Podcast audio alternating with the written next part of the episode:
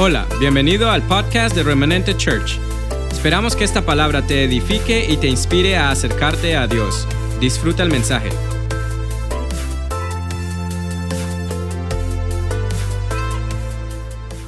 Cuando yo miro a mi esposa, yo sé que ella no se esperaba esto. Ella no se esperaba esto, pero bueno, mami, hoy yo tengo el micrófono y el que tiene el micrófono tiene el control. Así que tú, tú me has puesto ahí en la orillita de la silla varias ocasiones. Así que cuando yo la miro a ella, el 99% de las veces que yo la miro, eso es bastante, el 99% de las veces que yo la veo, la veo hermosa. El 1% me lo reservo. ¿Qué creían que les iba a decir? No, el 1% es mío. Pero hoy, mami, hoy no es la excepción, hoy te veo hermosa. Y hay una canción que nos gusta mucho, a nosotros dos. La escuchamos en el carro, la escuchamos en la casa. La canta un muchacho muy conocido hoy en día, Camilo. Los jóvenes que están aquí saben quién es Camilo, ¿verdad? Yo volteé a mirar a los jóvenes y ya me hicieron la cabeza que sí, estamos bien. Oh, Mari dijo que sí, Mari, tú conoces a Camilo, sí. No como mi hijo que se subió al carro con mi esposa y la esposa, eh, Valerie estaba molesta con él y, y, y él sabe que a ella le gusta las canciones de Camilo. Entonces él no se acordaba el nombre y le dice, mi amor, ¿quieres que te ponga la canción de Gaitán? Le cambió el nombre al muchacho. Ella, ella se le quitó la rabia, no por eso, sino porque le cambió el nombre. Pero bueno, esta canción nos gusta mucho a los dos. La puedes encontrar con el nombre de Millones. Seguramente la han escuchado ya varios aquí, ¿verdad? Y hoy quiero robarle frases a esa canción para dedicárselas a mi esposa. La canción dice, tú debes ser cirujana, porque del pecho tú me curaste lo que a mí me dolía. Y me arreglaste el corazón sin dejarme una herida. También dice, me gusta cuando hablas de tu futuro porque estoy incluido ahí. Ahora, la canción tiene una pregunta.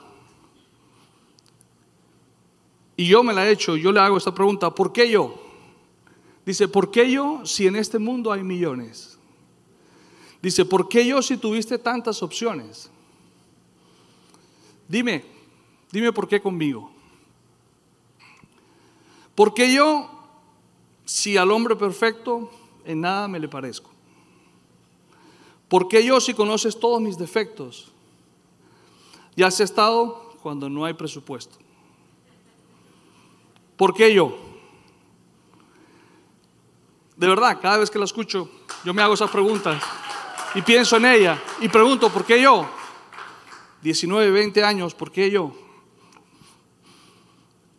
Espero que ella también se haga esas mismas preguntas cuando me mira a mí, ¿verdad? Puedo pensar que ella tendrá sus momentos en donde se podrá hacer esas preguntas, muy iguales a los míos. Bueno, eso espero yo, ¿verdad, mi amor? Pero de algo sí puedo estar seguro y puedo hablar con autoridad. Es que somos personas, mi esposa y yo, con muchos defectos, muchísimos. Y en nuestro compromiso de vida hemos vivido procesos muy complejos que han podido, solamente se han podido superar de la mano de Dios. Solamente. Y estoy seguro que en esos procesos tan difíciles, mi esposa se ha hecho la misma pregunta, pero con una reflexión diferente. ¿Por qué yo, Dios mío, cuando me miraba a mí comportarme mal? ¿Por qué yo cuando se molesta conmigo y ella hacerle esa pregunta a Dios y decir, Señor, ¿por qué yo? Cuando yo le he faltado a mi palabra, te aseguro que en su frustración, ella le ha preguntado al Señor, ¿por qué yo? Cuando como padre no he hecho quizás lo que me corresponde, toda madre se pregunta, ¿por qué yo como mamá tengo que vivir esto? Cuando no he podido satisfacer alguna de sus necesidades básicas, ¿por qué yo? Cuando por desacuerdos ha experimentado tristeza, decepción y hasta desilusión, seguramente se ha preguntado, ¿por qué yo? En pocas palabras, cuando por mi culpa se ha sentido frustrada, seguramente se ha preguntado por qué yo. Yo creo que esa pregunta en algún momento todos nos la hemos hecho delante de Dios. Dania, bienvenida mamita. Qué gusto verte aquí hoy, qué rico. Todos, en un momento dado, nos hemos tenido que hacer esa pregunta. ¿Por qué yo, Señor? Cuando no entendemos lo que nos está pasando, cuando no entendemos lo que estamos viviendo, cuando hemos trabajado fuerte para llegar donde queremos llegar y nos encontramos que todavía no estamos ni cerca, cuando hemos creído y aún no lo vemos, cuando nos enfrentamos a un, imposible, a nuestras necesidades, cuando vivimos ese sentimiento desagradable que, se produce cuando nuestras expectativas son frustradas, al no poder conseguir lo que pretendemos, eso se llama frustración. Y de eso les quiero hablar en esta mañana, de la frustración, bajo el título ¿Por qué yo? Amén. ¿Estamos? Hecha la introducción, vamos a la palabra. La palabra tiene varios ejemplos que los quiero citar en esta mañana. Tengo cinco ejemplos, Dios me permite y me ayude para poder alcanzar a cubrirlos todos. La frustración es un sentimiento inmenso de tristeza, de ira, de decepción, de desilusión, de desánimo. Yo he experimentado todos esos. ¿Cuántos aquí levantan la mano conmigo y dicen yo también? Wow, como cinco, aquí hay bastantes santos. ¿No? Otra vez, ¿cuántos aquí han experimentado esos sentimientos conmigo? Yo lo he experimentado, ayer lo experimenté. Pastor, ayer y usted está predicando hoy. Sí, Señor. Y ayer experimenté algo de eso. Todos hemos vivido esos momentos de frustración, de decepción, de ira, y sabes que estudiando un poco acerca de la frustración, me encuentro con que las estadísticas enseñan tres formas muy comunes en las que el ser humano lidia con la frustración. Tres formas muy comunes en las que el ser humano afronta la, frustración en su vida, o sea, la enfrenta, la confronta, lucha con ella. Una de ellas es con golpes. ¿Cuántos han visto a las personas dando golpes? Detrás de eso hay frustración, hay ira, hay decepción, hay dolor. ¿Cuántos, ¿Cuántos no han visto a un hombre darle golpes a un timón de un carro? ¿Verdad? ¿Cuántos hemos visto a un hombre golpear a una mujer? ¿Cuántos hemos visto a una mujer golpear a un hombre? ¿A ustedes creían que las mujeres no golpeaban? frustración, golpes. Otra manera, huir. Es otra manera como se afronta la frustración. Se huye. Prefiero huir, prefiero escapar, prefiero no estar allí. Prefiero ignorar. Pero detrás de ese, de ignorar estoy huyendo ante la situación. Y la tercera es sustituir o cambiar. ¿Cuántos hombres han cambiado a su esposa? ¿O cuántas mujeres han cambiado a su esposo? Porque se frustraron. ¿Por qué no llenó sus expectativas? Porque no me supo entender.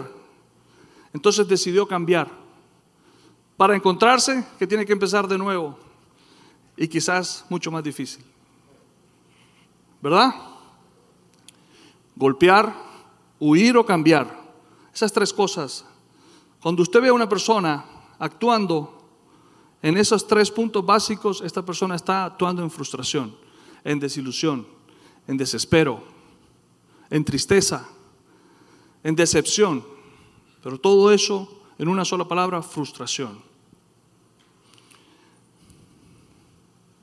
La frustración puede suceder de muchas maneras, por culpa nuestra, por cosas externas, pero siempre la vamos a vivir. La palabra dice, en el mundo tendréis aflicciones, pero confiad que yo he vencido el mundo. En el mundo vamos a tener aflicciones, mas necesitamos confiar en el Señor. Ahora, ¿qué sucede cuando experimentas frustración o decepción? de aquellas personas a las que admiras. Empecemos por ahí. De aquellas personas que están liderando algo en tu vida. De aquellas personas que el jefe, el manager, el gerente, el gobernador, el alcalde, el presidente, el pastor. ¿Qué pasa cuando te decepcionas por esas personas que están en un lugar de gobierno? que han sido llamados a servir a través de su liderazgo, pero que cometen errores que nos decepcionan y nos frustran. ¿Qué sucede? Yo le voy a hablar de Samuel, el sacerdote Samuel. La madre de Samuel era estéril. Rápidamente se los voy a compartir. Era estéril y iba al altar a orar al Señor por un bebé. Ella quería un hijo. Oraba y oraba, intercedía y nada. Un día, el sacerdote presente le dijo, mujer, estás ebria, así no debes estar en el altar. Y dijo, no, Señor, estoy orando en la presencia del Señor. Estoy orando en el Espíritu. ¿Cuántos aquí entienden lo que es orar en el Espíritu? ¿Sabes que muchas veces orar en el Espíritu es nuestra mejor opción? Dice la palabra que con gemidos indecibles, o sea, que no tienen explicación, el Espíritu entiende lo que necesitamos y va al Padre. Sí que hay veces que es necesario, con gemidos indecibles, llegar a la presencia del Señor, con gritos, con brincos, derramar su vida, orar al Señor con gemidos indecibles y conectas con el cielo. Esta mujer le sucedió eso y quedó embarazada, pero ella lo hizo bajo la promesa de entregar ese niño al servicio del Señor. Nació Samuel y se lo lleva al, al, sacerdote Elí y se lo entrega a Elí para que Elí forme a este muchacho para el servicio del Señor. Ella lo consagró al Señor y lo entregó al Señor. Y la palabra enseña que ella y su padre lo iban a visitar al niño, mientras el niño iba creciendo y iba siendo formado. Elí era el sacerdote del momento y pues muy bien conocía a Ana y a su esposo cuando llegaban a visitar al bebé. Pero Elí era un sacerdote con, con muchas debilidades de carácter. Sus hijos hacían lo que querían.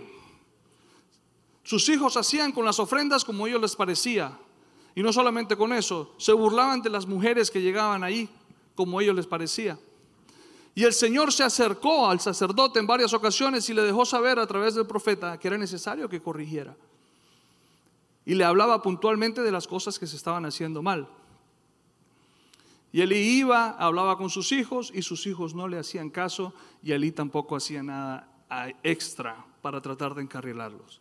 Entonces sucede que un día el Señor llama a Samuel una vez Samuel se levanta, va donde Elí y le dice, sí Señor, aquí estoy. Y él le dice, no, yo no te he llamado. Ok, Samuel va y se acuesta otra vez. El Señor vuelve y lo llama. Así sucede tres veces. Jehová llamando a Samuel, ya siendo un niño, un muchacho. Y este muchacho se levanta, no estaba acostumbrado a escuchar la voz del Señor. Él escuchaba la voz de quién? De su líder. Él era, ese era quien él seguía. Ese era el que lo estaba guiando. Ese era el que lo estaba formando. Entonces él respetuosamente iba corriendo donde estaba durmiendo su líder y le decía, sí Señor, me llamas. La tercera vez que esto sucede, el sacerdote se dio cuenta rápidamente y le dijo, no, no te llamo yo, pero la próxima vez que te llaman, di, habla Señor, que tu siervo escucha. Y así sucedió. Lo llamó el Señor, Samuel se levanta, se despierta y dice, habla Señor, que tu siervo escucha. Si ustedes quieren leer esa historia, eso está en 1 Samuel capítulo 3. Y el Señor, el primer mensaje que el Señor le da a Samuel como un muchacho es todo lo que va a hacer con Elí. Cómo lo va a sacar como sacerdote y cómo, cómo Elí no va a poder ver a su generación caminar en ese llamado, en ese ministerio. Imagínense ustedes cómo se sentía ese muchacho cuando el Señor le habla y le dice, Elí no va más, no me ha hecho caso, no corrigió a sus hijos, ha hecho lo que, se le ha, lo que le ha parecido, entonces él no va más, él va a morir. Va a morir pronto. Su familia y su descendencia no va a llegar a años avanzados en años, van a morir jóvenes. Ellos no van a entrar en esa generación de sacerdotes. ¿Ustedes se imaginan ese muchacho cuando el Señor, la primera vez que el Señor le habla y le habla así acerca de su líder? Es Dios quien está hablando. Está hablando así acerca de su pastor. Ustedes se imaginan ese muchacho lo que yo sé lo que ese muchacho dijo. ¿Y por qué yo? ¿Por qué yo estoy en estas? Ahora yo que lo voy a decir a mi mamá cuando mi mamá me visite. Que el Señor me habló y me dijo esto. No, yo no le puedo decir eso a mi mamá porque mi mamá va a decir, Señor, ¿por qué me pasó esto a mí? ¿Por qué yo?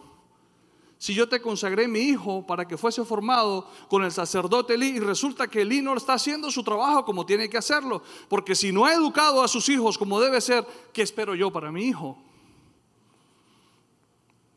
¿Qué sucede cuando nos frustramos con esos líderes, con esos pastores, con ese manager, con ese jefe, con ese dueño de negocio? ¿Qué sucede? Ese muchacho se tuvo que haber preguntado, ¿por qué yo? ¿Qué le voy a decir a mi mamá? Dice 1 Samuel 3:10, y el Señor vino y llamó igual que antes a Samuel, esa fue la cuarta vez, y le dice, Samuel, Samuel. Y Samuel respondió, habla que tu siervo escucha. Entonces el Señor le dijo a Samuel, estoy por hacer algo espantoso, imagínate. Imagínate que Dios te diga, estoy por hacer algo espantoso. Yo tiemblo, que Dios me hable así. Espantoso, algo que asusta, algo que impresiona, algo, yo, wow. Y a la edad que tenía Samuel, un muchacho, en Israel, llevaré a cabo todas mis amenazas contra Elí y su familia, de principio a fin. Le advertí que vine que viene juicio sobre su familia para siempre, porque sus hijos blasfeman a Dios y Él no los ha disciplinado. Por eso juré que los pecados de Elí y los de sus hijos jamás serán perdonados ni por medio de sacrificios ni ofrendas, o sea, no había nada que lo salvara. Ya el Señor había tomado una decisión. Yo no me imagino cómo estaba Samuel después de eso. Mi mamá me trajo aquí para ser formado y resulta que este Señor estaba haciendo otra cosa. Esta persona a la que yo llamo Señor, Señor, y Dios lo ha desaprobado. ¿Por qué yo? ¿Por qué yo si los planes que tiene Dios con relación a Él no son los que yo esperaba. ¿Por qué yo? Ahora, díganme ustedes, ¿quién hubiese podido criticar a Samuel si Samuel decide, yo me voy para mi casa? Aquí que acaben con este señor y yo, por esa puerta que es más derecho, yo le cuento a mi mamá y mi mamá va a entender. ¿Quién hubiese podido criticar a Samuel si Samuel se va y dice, no, yo bajo la dirección de ese señor no más? si ni siquiera sabe lo que está haciendo, Dios ya me dijo lo que quiere hacer con él, yo me voy. Nadie lo hubiese podido culpar. Tenía todas las razones y todos los argumentos que le avalaban eso, que le, que le soportaban esa decisión. Pero Samuel no hizo eso. Samuel no quitó su mirada del Señor. Samuel no se dejó distraer. Samuel no se dejó intimidar hasta el punto de huir del plan. Él pudo haber huido si hubiese querido. Él pudo haber cambiado. Dice, me voy para la casa y cuando nombren otro sacerdote vuelvo, cambio de sacerdote. Él pudo haber cambiado como hay personas que dicen, no, es que en esta iglesia hay algo que no me llena, no me gusta, yo me voy para otra iglesia. Es que allá en esa otra iglesia yo creo que sí, ahí sí es. ¿Qué tal si ponemos la mirada en el Señor y quitamos la mirada del pastor? ¿Qué tal si ponemos la mirada en Dios y en lo que Dios ha dicho? ¿Qué tal si hacemos memoria de la palabra que Dios ha dicho acerca de mi vida y de mi generación y quito la mirada del pastor o del apóstol? ¿Qué tal si decidimos hacer eso para vencer la frustración en un momento dado que podemos experimentar? Porque es una emoción horrible. La frustración puede llegar a ser una cárcel sin barrotes. La frustración puede llegar a tenernos arrinconados de tal manera que nos detenemos. Y quiero decirte algo, de pronto has experimentado frustración con tu líder. De pronto has experimentado la frustración que te tiene al borde de, me voy.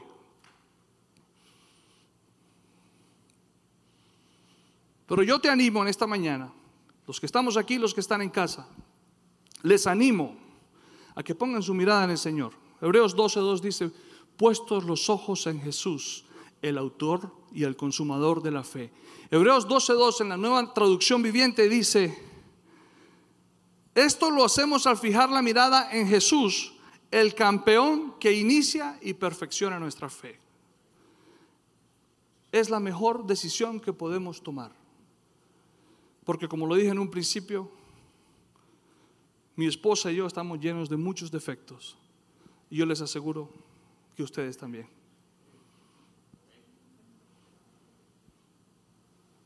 ¿Por qué se reirá Nora? ¿Por qué te ríes, Nora? Todos estamos llenos de defectos, pero si ponemos la mirada en el Señor, si no nos dejamos distraer, vamos a avanzar. En el momento en el que tú experimentas una frustración, dolor, decepción, la decepción es horrible, en ese mismo momento tú tiras el ancla, tú tiras el ancla y quedas ahí anclado en ese momento, en ese tiempo, en ese día, en ese dolor, en esa circunstancia, en esa traición, en esa decepción, en esa frustración. Y te quiero decir algo, todo lo que está alrededor tuyo sigue caminando.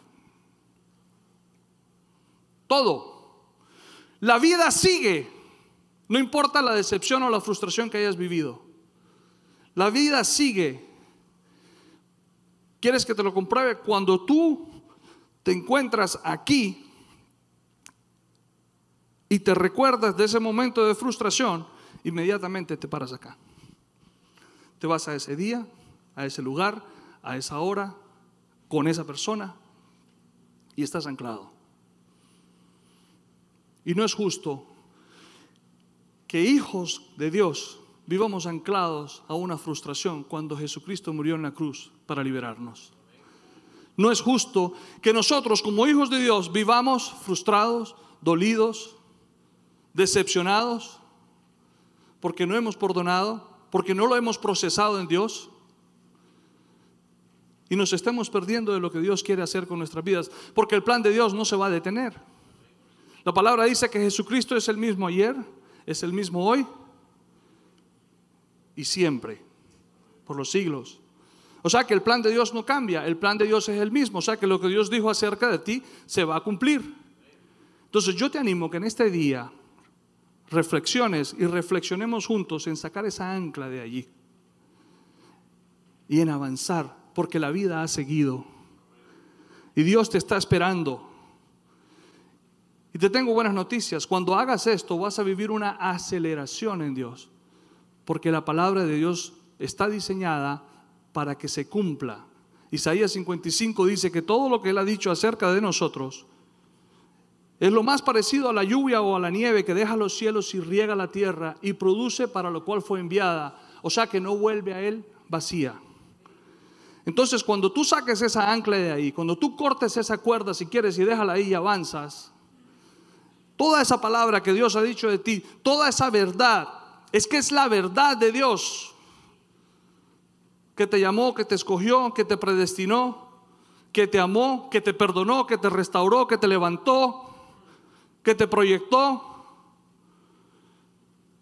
Todo eso que Dios ha dicho acerca de ti se va a cumplir de una manera acelerada porque tú necesitas poner tu cuaderno al día donde va la vida. Entonces te animo en esta mañana a que si te ha sucedido esto por culpa de un líder, perdones y que avances. Si yo te he defraudado, te pido perdón. Si yo te he fallado, te pido perdón. Lo hago públicamente. No ha habido intención de mi parte de defraudar a nadie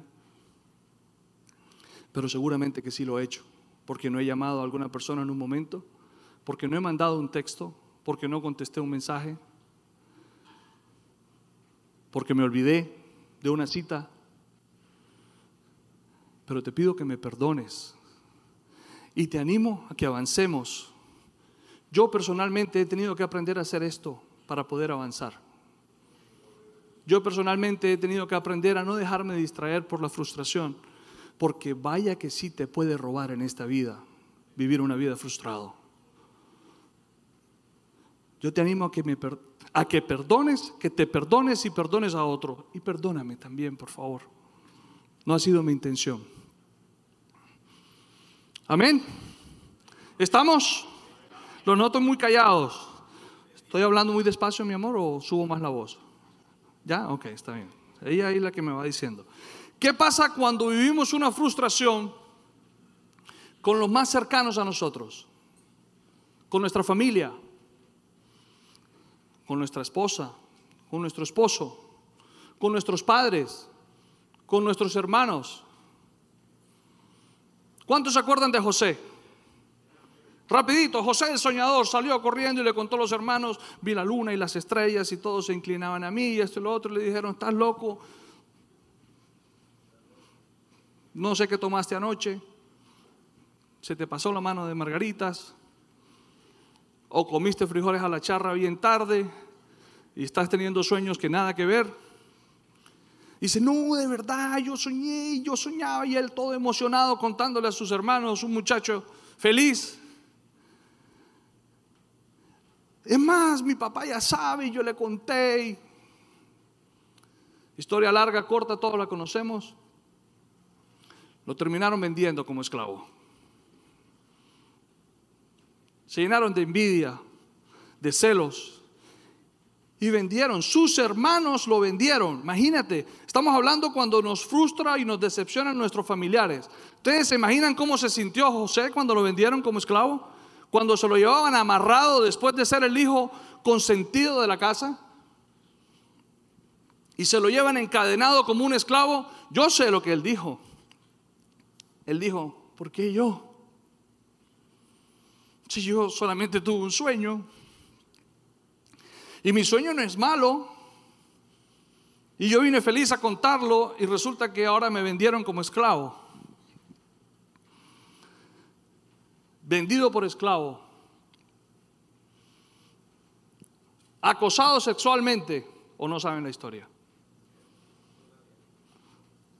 Sí, también las mujeres acosan sexualmente. Y esto no se dice mucho en la iglesia. Pero en la Biblia está, eso no lo estoy diciendo yo. Está en la Biblia. Y después de ser acusado sexualmente fue culpado por un crimen que él no cometió porque salió corriendo el hombre. O sea que fue encarcelado. En el momento en que lo acosan y en el momento en que lo encarcelan, yo sé que él dijo, Señor, ¿por qué yo? Señor, ¿por qué yo? ¿Por qué me pasa esto a mí? Explícame, yo no entiendo por qué yo, Señor, si yo te amo, yo te reconozco, tú eres mi Dios, tú eres mi Salvador, yo sé quién eres para mi Padre, yo sé quién eres para mi familia, yo sé lo que has dicho acerca de nosotros, pero ¿por qué me pasa esto a mí? ¿Por qué yo? Si yo, yo, yo huyo, Señor, para que no me vayan a culpar y aún así me culpan inocentemente y ahora estoy preso, ¿por qué estoy yo preso, Señor? ¿Por qué yo?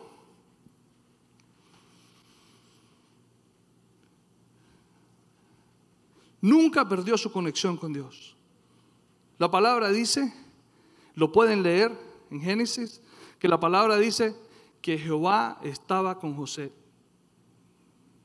Siempre su presencia, la presencia de Dios estuvo con José. O sea que José siempre buscó la presencia del Señor. Sin embargo, le seguían sucediendo cosas. Yo sé que José experimentó frustración. ¿Se acuerdan cuando el copero llegó a la cárcel con el panadero y resulta que tuvieron un sueño y él se los interpreta y sucede exactamente como él se los dijo y cuando van saliendo de la cárcel, él le dice al, copero, hey, no te olvides de mí. Cuando llegues allá, acuérdate que yo estoy aquí. Y la palabra dice que se olvidaron de José, o sea, también se olvidaron de él. Después de haber ayudado a ese hombre. ¿Cuántas personas se han olvidado de nosotros? ¿Cuántas personas se han olvidado de ti? ¿Cuántos hijos se han olvidado de ti? ¿Cuántos padres se han olvidado de ti?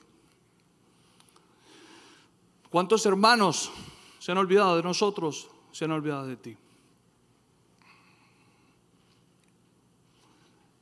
Sin embargo, José no quitó su mirada del Señor.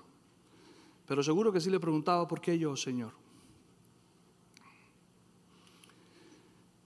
¿Qué hizo José para que él pudiese llegar a ser el primer ministro de Egipto. De la cárcel a gobernar. No quitó su mirada del Señor. No quitó, se aseguró de que la presencia de Dios estuviese todos los días con él, aunque estuviera experimentando frustración. Yo te animo. No sé qué familiar te ha frustrado, te ha decepcionado, pero asegúrate, asegúrate que la presencia del Señor esté contigo todos los días. Inquiere delante de Él, búscale, reconócele, humíllate bajo la poderosa mano del Señor. Y asegúrate que su presencia te acompañe todos los días, aunque estés sintiendo frustración, pero que su presencia no te deje, porque esa presencia es la que te va a sacar adelante. Porque esa presencia es la que te va a liberar. Porque esa presencia es la que te va a sanar. Porque esa presencia con gemidos indecibles es la que te va a sanar. Yo puedo testificar que he venido delante de la presencia del Señor, donde he orado y no he entendido nada de lo que he dicho. Pero he sentido que Dios ha roto cosas impresionantes en mi vida. Es más, yo les puedo decir lo siguiente. Mi esposa me ha hablado de cosas y de, días y de fechas en donde yo casi no me acuerdo de eso. Es como si Dios no me hubiese borrado la mente, pero me hubiese protegido de eso. Porque esa ancla se corta y tú avanzas. Y Dios quiere que tú avances. Dios quiere que tú llegues. Dios quiere que lo que Él ha dicho acerca de ti se cumpla. Porque Dios se debe a su palabra. Él se debe a sí mismo de lo que dijo acerca de ti. Nosotros tenemos la garantía de la garantía de la garantía. Porque lo que Dios ha dicho acerca de nosotros no tiene otra salida que el cumplimiento de la misma. No hay otra. No hay otra salida para Dios. Es que se cumpla lo que Él ha dicho acerca de nosotros. Pero nosotros tenemos que asegurarnos que su presencia esté en medio nuestro, en medio de los nuestros. ¿Qué sucedió con José? En Génesis 45 dice, esto fue lo que entendió José después de que volvió a encontrarse con sus hermanos enfrente. Cuando estaba en un lugar de gobierno, cuando estaba en un lugar de servicio, porque él estaba sirviendo a una nación. Él era el primer ministro, él era el primero después de Faraón. Pero él sabía por qué estaba ahí. Ese título no le había quedado grande. Él estaba ahí para servir a la nación. Y cuando se encuentra que sus hermanos están ahí enfrente de él, aquellos que lo habían vendido por esclavo y que lo habían despreciado, él les dice, Dios me hizo llegar antes que ustedes para salvarles la vida, a ustedes y a sus familias, y preservar la vida de muchos más. Por lo tanto, fue Dios quien me envió a este lugar. ¡Wow! Fue Dios el que envió a José a ese lugar y no ustedes. O sea, ustedes me vendieron como esclavo, yo llegué aquí, pero aquí donde estoy, en gobierno, fue Dios quien me envió para salvarte la vida, para salvar la vida de tu familia. Y fue Él quien me hizo consejero de Faraón, administrador de todo su palacio y gobernador de todo Egipto. Ahí está la palabra, Génesis 5 del 7 al 8, lo puedes leer. Pero si se dan cuenta, Él tenía claro que fue Dios y siempre Dios, y solamente Dios.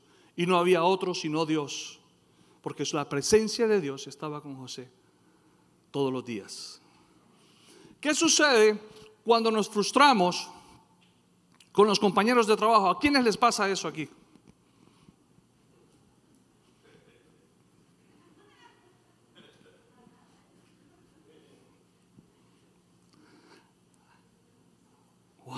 O no trabajan o no tienen compañeros de trabajo y trabajan en un cubículo.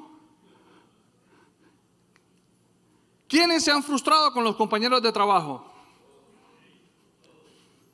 Yo no voy a decir nombres, pero quiero ver manos. ¿Quiénes se han frustrado con los compañeros de trabajo? ¿Quiénes han llevado compañeros de trabajo? ¿Quiénes han referenciado a un compañero de trabajo y este cabezón nos hace quedar mal?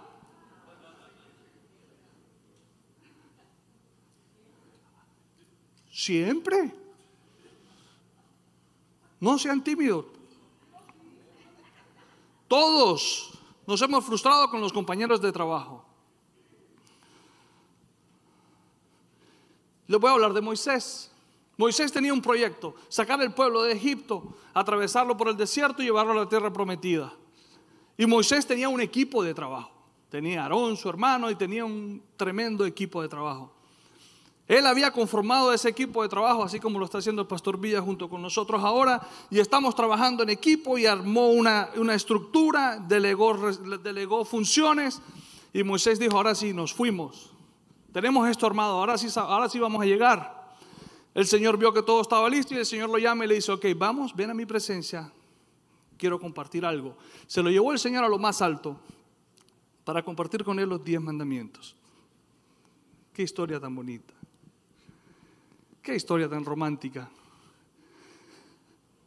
Pero cuando volvió Moisés y se encuentra que su hermano, su mano derecha, perdón, esta es la derecha, sí, su mano derecha era el que estaba liderando la rebelión.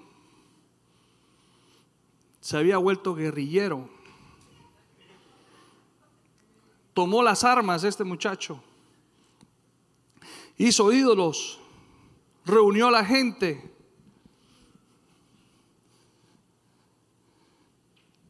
Dice que le cantaban canciones a los ídolos que ellos habían hecho. Así dice la palabra. Yo no sé cuánto tiempo duró Moisés por allá arriba, pero para que hayan compuesto canciones, qué bárbaros. Y que Aarón, la mano derecha de Moisés, se haya, haya levantado esa rebelión. ¿Cuántos hemos tenido ese problema en el trabajo? La persona que menos creemos, la persona en la que más hemos confiado, la persona a la que hemos enseñado todo, la persona que yo entrené cuando llegó, resulta que me traicionó. Wow. ¿A cuántos nos ha pasado? Otra vez. A todos nos tuvo que haber pasado en algún momento. Jenny está levantando hasta los pies ahí atrás. Yo creo que a todos nos ha pasado eso. Esa persona en la que hemos confiado nos ha quedado mal. Eso le pasó a Moisés. ¿Se imaginan lo que Moisés pensó cuando llegó y encontró allá a su hermanito cantando canciones y adorando ídolos? Y liderando la alabanza. Yo creo que Moisés se rascó la cabeza y le dijo al Señor, Señor, ¿por qué yo? ¿Por qué me pasa esto a mí? ¿Por qué yo, Señor? Si es mi hermano, si yo he hablado con él, yo comí con él en la misma mesa, es mi mano derecha, yo le he confiado todo lo que tú me has dicho. Es más, Señor, tú lo hiciste vocero mío, Él es el sacerdote de todo esto. ¿Por qué yo, Señor, por qué me pasa esto a mí? Yo sé que Él tuvo que haber dicho eso. Si Él no dijo eso, Él no era humano. Era extraterrestre. Pero así yo sé que él se sintió, como nos hemos sentido muchos de nosotros. ¿Qué hizo Moisés después de encontrarse con esta traición de su mano derecha en el trabajo? Dice así la palabra en, en Éxodo 32, dice, al día siguiente Moisés les dijo a los israelitas, ustedes cometieron un terrible pecado pero yo subiré de nuevo al monte a encontrarme con el Señor. Quizá pueda lograr que Él les perdone este pecado. Entonces Moisés volvió a donde estaba el Señor y dijo, qué terrible pecado cometió este pueblo, Señor, que hicieron dioses de oro. Ahora, si solo perdonara su pecado, pero si no, borra mi nombre del registro que, está, que has escrito. O sea, intercedió por el pueblo pecador, por su mano derecha, tomó responsabilidad como líder y dijo, bórreme a mí también si no los perdonas, Señor. Si no los vas a perdonar por esto, yo asumo la responsabilidad. Y Moisés había obedecido a Dios, él había ido al monte porque Dios lo llamó. Él no estaba haciendo otra cosa diferente a, lo que, a las órdenes y las instrucciones que Dios le había dado. Más aún así, cuando él llegue y los encuentra en el error, como líder, como jefe, como manager, como dueño, dice, bórrame a mí, Señor, también, si no los perdonas. ¿Qué dice la palabra? Pero el Señor respondió a Moisés, no, yo borraré el nombre de todo aquel que haya pecado contra mí. Ahora ve y lleva al pueblo al lugar que te hablé. Mi ángel irá delante de ti cuando llegue el día de pedirles cuentas a los israelitas, ciertamente los haré responsables de sus pecados. Pero le dijo, no, el plan sigue. ¿Por qué? Porque buscó al Señor, porque se hizo responsable, porque no huyó, porque no los agarró a golpes, porque no le dijo a Dios, Dios, cámbiamelos, estos no son, a pesar de su frustración. ¿Quién pudiese, hubiese podido culpar a Moisés si Moisés va delante del Señor y les dice, Señor, cámbiamelos? Ellos no son. Señor, permíteme agarrar a mi hermano a palo para que aprenda. Es que le voy a pegar una juguetera para que sepa cómo es que, es que te tiene que portar. Señor, ¿sabes qué? Yo, yo con esta gente no voy más. Yo me voy. ¿Ustedes saben quién hizo eso? Yo. Yo hice eso. Cuando ahí está Lucas, Jorgito, Jimena, eh, Tania también. Estos muchachos, Jonathan Montoya, el equipo fantástico de aquí. Yo les daba clases de escuela dominical les decía, regáleme 15 minutos de su tiempo. Aquí tenemos una hora para estar, pero solamente les pido 15 minutos. Hablamos de la palabra y después ustedes tienen tiempo libre para jugar. Estabas tú también, papi. Yo sé que tú te acuerdas. Y yo les pedía 15 minutos. Y yo me metía en la clase y yo me, yo me emocionaba dando de las clases y cuando levantaba la cabeza los encontraba hablando. Yo trataba de ignorar y volvía y me metía en la clase y cuando levantaba la cabeza encontraba a Lucas mirando así, para, mandando textos. ¿no? y encontraba a Jorgito. Jorgito nunca se callaba. Cuando levantaba la cabeza, él decía amén. Era impresionante. Dos veces me pasó. ¿Ustedes saben qué hice yo de la frustración que yo viví con ellos? Me salí del salón dos veces. Un día saliéndome del salón me encontré a la pastora Claudia caminando, haciendo la ronda. Me dice, ajá niño, ¿y usted qué hace aquí afuera? ¿Usted no es el maestro? Le dije, no, son niños, cámbiamelo, yo no les doy más clases no se portan bien, se lo he dicho de todas maneras, pero ellos no se pueden quedar solos, allá están solos, usted verá a ver qué hace con ellos. Y yo me venía y me sentaba aquí afuera. Moisés pudo haber hecho lo mismo. Moisés pudo haber dicho, la pastora no aguanta la risa, tiene, tiene el tapabocas y me doy cuenta que se está riendo de mí todavía. Moisés pudo haber hecho exactamente lo mismo. ¿Y quién le pudo haber dicho que no era, no era la manera si estaba molesto, frustrado, incómodo? Si la pastora iba y entraba al salón y salía con los pelos así, me dice, sí, mijito, no, esos niños se portan mal, yo ya no entro más. Tienes toda la razón, mijo. Uy, hay que hablar con los papás. Yo no sé, hay que hablar con esos padres y esa, porque qué cosa tremenda. No, no, Y uno ya se asomaba por la ventana y papeles volaban. Papeles, yo decía, no, yo ahí no entro a dar clases. Se sentaba mi esposa a darle clases y eran unos angelitos. Yo no sé, Dios le ha dado ahí esa gracia con los niños, con los muchachos. Pero yo sí me frustré y me salí dos veces. Y los dejé solos, ahí se están riendo de mí. Pero yo los dejé solos. Moisés pudo haber hecho eso, Moisés no hizo eso. Él asumió la responsabilidad si yo miro esta historia, yo tuve que haber dicho, no, yo soy un muy mal maestro, yo no capturo la atención de los niños, yo me hago responsable, ellos no se portan bien. No que hay que hablar con los papás, sí, pero es que en el momento están aquí conmigo, me corresponde a mí, es mi responsabilidad, Señor, ayúdame qué hago con estos muchachos. Y seguramente Dios me hubiese dado la estrategia para hacerlo. Pero no era salirme del salón, no era huir, no era cambiar. Yo decía, póngame con los niños chiquitos, yo a esos niños yo los cuido muy bien. Yo quería que me cambiaran de salón estuve comiendo con Colin y con Jimena, estuvimos comiendo una cena y me dice Jimena, pastor, estoy orgullosa de ti. yo, wow. ¿Y por qué? Yo me recuerdo muy bien cuando nos dejaste solos en el salón varias veces. Pero hoy en día te veo lleno de paciencia y de amor y te veo compartiendo. Y le decía, mamita, bien procesado que he sido yo en el Señor. Esto no ha sido fácil. Pero en frustración uno actúa de esta manera. Ok, ¿qué sucede cuando vives una frustración de aquellas personas a las que has dedicado toda tu vida? Ya vamos a terminar, se los prometo. ¿Qué sucede cuando las personas a las que tú le has dedicado toda tu vida te frustran, te traicionan, te decepcionan? Personas a las que tú les has servido. Yo creo que muchos pastores que están aquí y que están conectados se pueden identificar con esto. Moisés sacó una generación, escúcheme, Moisés sacó una generación de esclavos. Los israelitas eran esclavos, ellos eran esclavos, ellos no tenían derechos, ellos eran esclavos.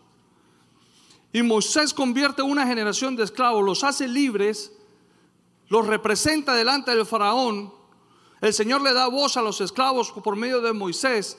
El va los representa delante del faraón y los libera de la esclavitud y los saca y los lleva a atravesar el desierto.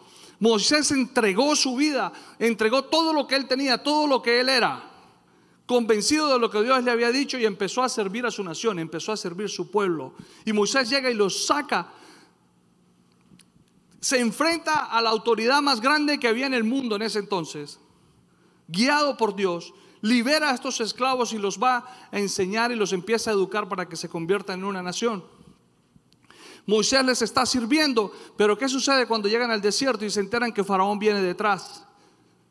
Le reprocharon a Moisés, se le quejaron a Moisés, culparon a Moisés, le dijeron a Moisés, por culpa tuya vamos a morir aquí en el desierto, por lo menos allá en Egipto teníamos una tumba. Por culpa tuya, ¿quién nos mandó a escucharte? Lo acusaban, lo juzgaron. ¿Se imaginan otra vez Moisés con ese pueblo? Señor, ¿por qué yo? Señor, ¿por qué me pasa esto a mí?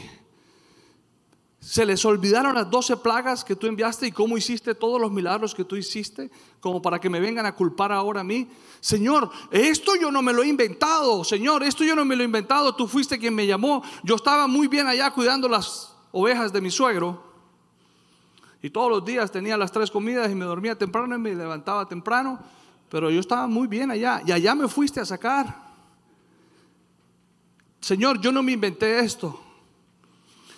Yo te hago caso, yo vengo delante de ti, te hago caso, obedezco todas tus instrucciones, voy a Faraón, liberamos al pueblo, Señor, de tu mano, vemos milagros impresionantes que jamás se han vuelto a ver en el mundo y los vemos. Y hoy estoy aquí y me están culpando y me dicen que hubiesen preferido morirse allá porque Faraón nos está siguiendo. Señor, ¿por qué yo? ¿Por qué me pones en estas a mí, Señor? Si yo no me inventé esto, tú te inventaste esto, Señor. Pero, pero ¿por, qué, ¿por qué yo?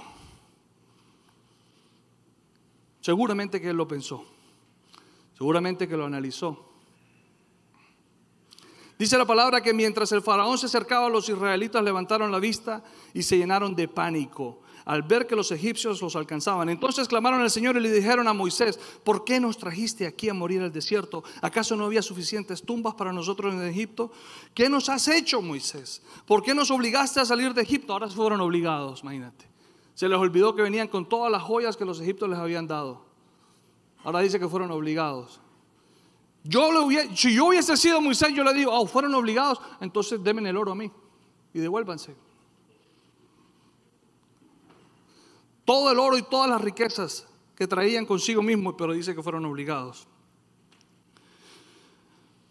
No te dijimos que esto iba a pasar cuando aún estábamos en Egipto, te lo dijimos, te lo dijimos. ¿A cuánto nos han dicho? Te lo dijimos, yo te lo dije, yo que te dije. O no, no te acuerdas que yo, yo te dije, mami, disculpa, yo te digo eso cada rato. Sí, disculpa, mi amor. Me comprometo delante de todos a corregir eso. Te lo dije, te lo dije, te lo dije. Así se lo decían a Moisés. ¿Ah? Déjanos en paz, Moisés, déjanos en paz, ya déjanos quietos, vete con tu locura para otro lado. Déjanos seguir siendo esclavos de los egipcios, imagínate. Wow. Es mejor ser un esclavo en Egipto que un cadáver en el desierto. Yo creo que de ahí fue que salió el dicho ese que dice que es mejor ser cola de ratón que cabeza de león. Qué mentira tan grande. Nunca va a ser mejor ser cola de ratón. Seguro que Moisés dijo, ¿por qué yo? Pero ¿qué hizo Moisés? Una vez más, fue delante del Señor. Fue delante de Dios. Buscó la presencia de Dios. A pesar de la frustración y la decepción. Qué decepción tan grande. Qué gente tan desagradecida. ¿Cuántos pastores se pueden sentir así? Desagradecidos por completo. Porque de pronto se les olvidó llamar y ya por eso fueron crucificados y juzgados. ¿Cuántos? Sin embargo, Moisés les dijo, no tengan miedo. A pesar de ese dolor que tenía Moisés, de esa frustración, de esa decepción, todavía los animó. Y les dijo, no tengan miedo. Solo quédense quietos y observen cómo el Señor los rescatará hoy. Esos egipcios que ahora ven, jamás volverán a verlos. Más adelante cuenta la historia que Moisés se puso a orar buscando la presencia del Señor.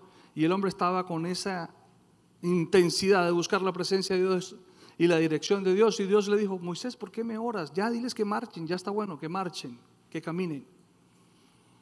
Dios le dio la dirección. Pero hay personas que sirven y que se frustran por el desagradecimiento de aquellos que han servido toda una vida. Y es normal que se sientan así. Pero en esta mañana Dios los quiere sanar. Pongámonos de pie, por favor, y vamos a cerrar ya. Si me acompaña Lucas, por favor.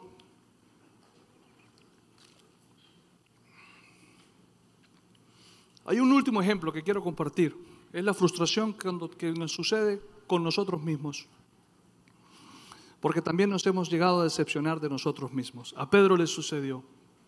Pedro juró amor eterno a Jesús. Pedro le dice, aunque tenga que morir contigo, Señor, yo no te negaré.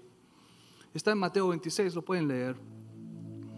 Pedro lo decía de corazón. ¿Cuántos de nosotros hemos ido delante de Dios y hemos pedido perdón? Hemos, le hemos dicho, Señor, Señor, úsame. Hemos levantado nuestras manos, hemos cerrado nuestros ojos y con lágrimas en nuestro rostro le hemos dicho al Señor, Señor, llévame a mí. Señor, yo soy tu vaso yo quiero ser ese vaso que lleva de tu agua. Y lo decimos de corazón. Lo sentimos que nos parte en dos cuando hacemos esas oraciones y vamos delante de Dios.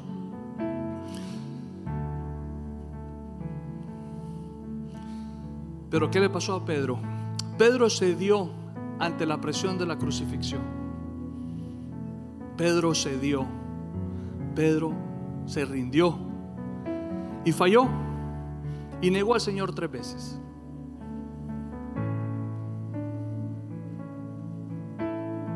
¿Se imaginan cómo se sentía Pedro? Señor, ¿por qué yo? Señor, ¿por qué yo? Señor, ¿por qué te quedé mal, Señor? Tú sabías que yo te iba a fallar, Señor. Tú sabías que yo no iba a poder, Señor. Pero te quedé mal. ¿Se imaginan cómo se sentía Pedro? ¿Cuántos de nosotros hemos fallado una y otra vez al Señor?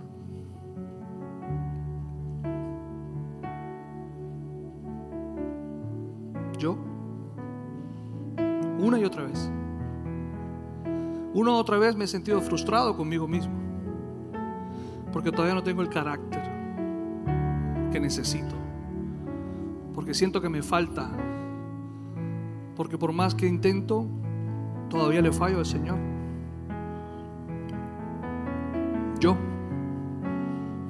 Yo me he frustrado conmigo mismo. Porque muchas veces cuando yo traigo mi plan y lo pongo en la mesa por encima del plan de Dios, termino frustrándome porque eso no es lo que el Señor quiere. Y Él me lo hace ver claro.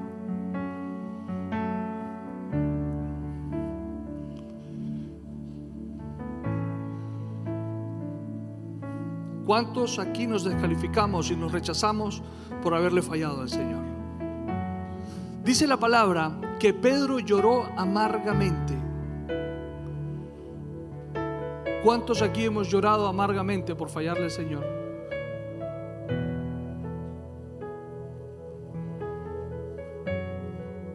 Dios te quiere hacer libre en esta mañana. De esa cárcel, de esa frustración, de esa decepción contigo mismo. Y Dios te quiere recordar lo que le recordó a Pedro. Dios conoce todos tus defectos. Dios conoce todos mis defectos. Dice la palabra en Lucas 22 que en ese momento, ¿cuál momento? En el momento en el que Pedro niega al Señor por tercera vez, el Señor se volvió y miró a Pedro. ¿Se imaginan esa mirada? Yo he sentido esa mirada. Cuando le he fallado al Señor, yo he sentido esa mirada.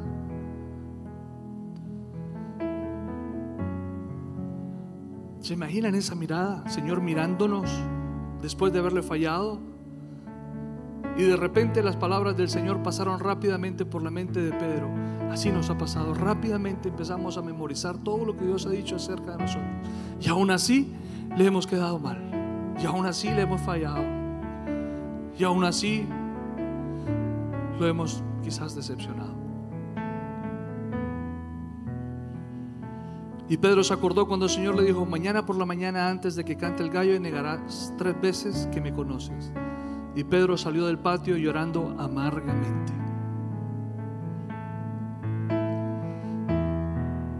Seguro que se frustró horriblemente consigo mismo. Pero te tengo una buena noticia.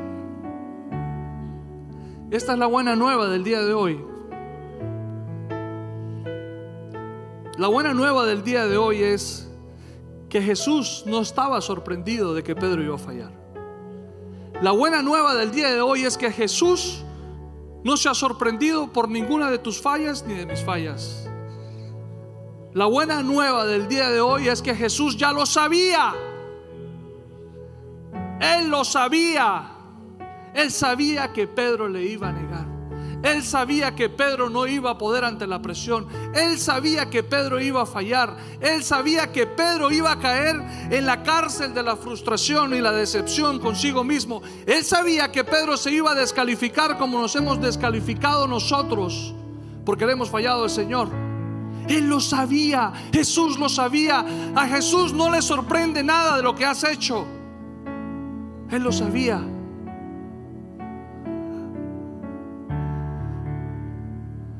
Pastor, ¿dónde dice eso? Mira que Jesús se aseguró, se aseguró de restaurar a Pedro y no lo dejó en la cárcel de la frustración. Y lo quiere hacer con tu vida y con mi vida en esta mañana. Lo quiere hacer contigo que estás ahí conectado. Él te quiere restaurar y Él te quiere liberar de esa cárcel de la decepción y de la frustración contigo mismo. ¿Cómo lo hizo el Señor? El día de la resurrección. Cuando llegaron esas mujeres y encontraron ahí al ángel, dice, cuando entraron en la tumba, vieron a un joven vestido con un manto blanco sentado a la derecha. Las mujeres estaban asustadas, pero el ángel les dijo, no se alarmen, ustedes buscan a Jesús de Nazaret, el que fue crucificado. ¿No está aquí? ¡Wow! ¡Qué momento! Dice, ha resucitado. Miren, aquí es donde pusieron su cuerpo, les mostró ahí la tumba y les dijo, aquí fue donde pusieron su cuerpo. Dice, ahora vayan y cuéntenles a sus discípulos, incluido a Pedro. Oh. Él sabía que el que peor estaba de todos ellos era Pedro. Él sabía que el que estaba hundido en la frustración y la decepción por haberle negado tres veces era Pedro.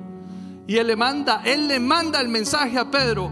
Miren, cuéntele a todos sus discípulos que Jesús resucitó, incluido a Pedro. Jesús resucitó por ti y por mí. Jesús murió en la cruz por ti y por mí.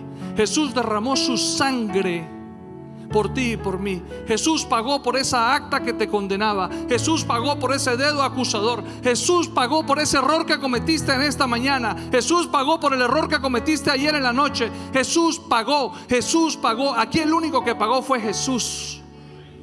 Por tu vida y por mi vida. Y Jesús te manda a decir hoy que Él resucitó por ti.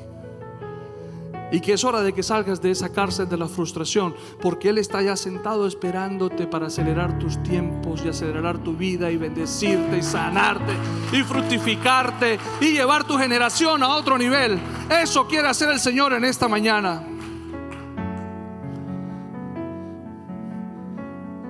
Dice, Jesús va delante de ustedes a Galilea, allí lo verán.